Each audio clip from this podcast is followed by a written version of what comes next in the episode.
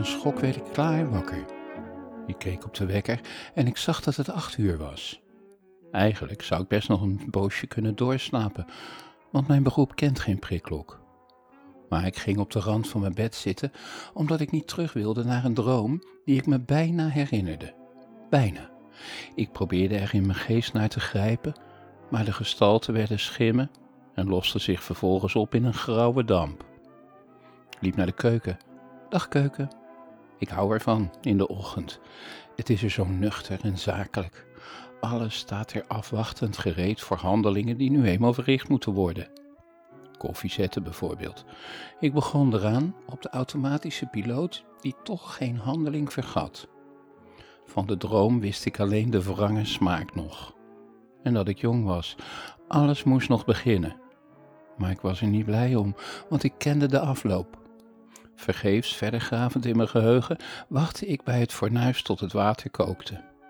Toen ik de koffie had opgeschonken, ging in de huiskamer de telefoon. Ik schrok ervan. In de loop van de dag hoort het geluid bij de routine. Maar iemand die zo vroeg in de morgen belt, zou best wel eens onheil te melden kunnen hebben.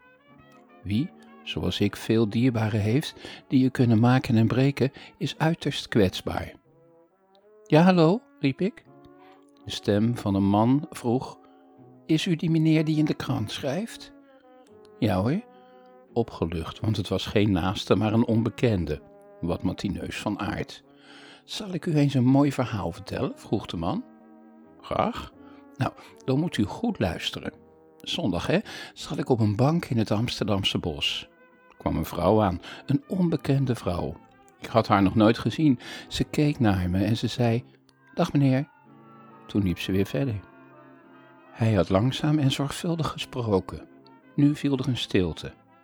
Na een poosje riep ik: Hallo, is u daar nog? Ja, u zou een mooi verhaal vertellen.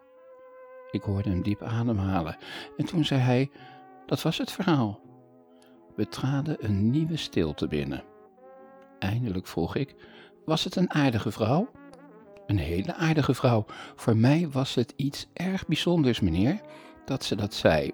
Want ziet u, de dokter zegt dat ik contactgestoord ben. Zo heet dat, contactgestoord.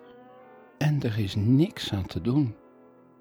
De laatste zin had hij nog langzamer uitgesproken, omdat hij een duidelijke neiging tot stotteren wilde onderdrukken.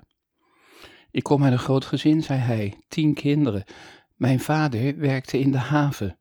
Breed hadden we het natuurlijk niet, maar we mochten niet klagen. Nee, we waren best gelukkig, meneer. U moet niet denken dat we ongelukkig waren. Dat denk ik ook niet, zei ik. Maar er heeft een voorval plaatsgevonden, lang geleden. Ik ben nu 59 jaar, maar ik zal 16 zijn geweest. Ik ging het huis uit, s ochtends om naar mijn werk te gaan. En ineens vroeg een stem achter me: Kunt u me ook zeggen hoe laat het is? Ik keek om en te pletter ben ik me geschrokken, meneer. Het was een man met een grijze baard en een hele grote rode puist bij zijn neus. Ik begon hard te rennen en hij liep nog even achter me aan en vroeg weer: Kunt u me zeggen hoe laat het is? De kleren ben ik me geschrokken, meneer, en daarna is het eigenlijk misgegaan met mij. Hij stotterde nu zeer hevig.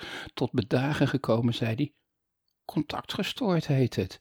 Maar die vrouw zei toch tegen me: Dag meneer, in het Amsterdamse bos. Dat vond ik toch zo fijn en ik. Tut, tut, tut, deed de telefoon. De verbinding was verbroken. Ik legde de hoorn erop en bleef nog een poos naast het toestel zitten. Maar hij belde niet terug.